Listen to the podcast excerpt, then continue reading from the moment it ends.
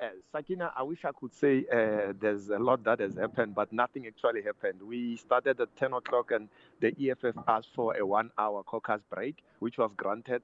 Uh, when the, the, that ended, immediately the ANC asked for another three hours. So we will be back at half past three. Uh, Sakina, seems like the numbers are not adding up for all the parties. Uh, there seems to be chaos here in terms of the negotiations that they are having.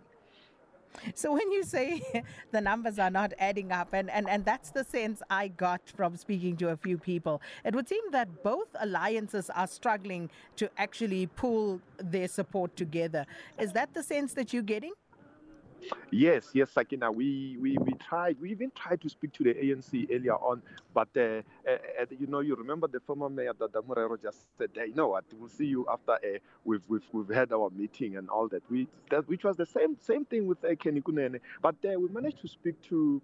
Uh, uh, we managed to speak to the DA Solim Simang, uh, Gauteng DA Solim Simang, who says uh, actually they they will work with whoever, uh, but provided that uh, whoever comes on board with them on the coalition has to has to to, to be going for uh, the former mayor um, Mpho whom they are fielding. They are, they are of the view that uh, things were fine in 2021, so uh, the, the, the, the coalition partners should go back to what was working. So that's what the, the DA is saying at this stage. But how are the people that they hoping to be in alliance um, uh, taking that on board? Because uh, the last time I checked, uh, the Action SA was going to actually field the candidate as well. I, I think that's where the problem comes in because it seems like uh, when this party is saying we're going with this and all that, we've heard of about four names that are going to be fielded, but there's no no much of a confirmation as to uh, out of those four names uh, we're going to see uh, uh, all of them accepting that.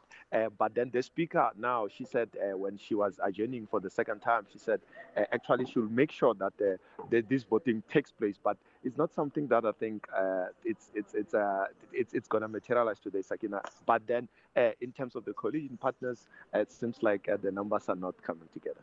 So uh, the Patriotic Alliance uh, President Gayton McKenzie, he said that he is no longer available to run for this position. Uh, but what are they saying? Who are they uh, voting for?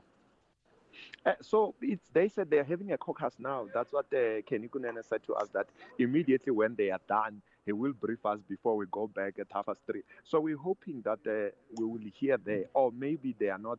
They they, they like they made because he has pulled out they're likely to, to tell us who they're going to go with. The EFF, have they let anything slip in terms of where, uh, you know, their alliances would be for this particular vote? Uh, not yet, uh, Sakina. We were also trying to get them to, to give us uh, their side of the story, but we'll uh, keep uh, the listeners uh, posted. Horisane, we'll leave you to it then as Horisane and the rest of the journalists watching that one for us.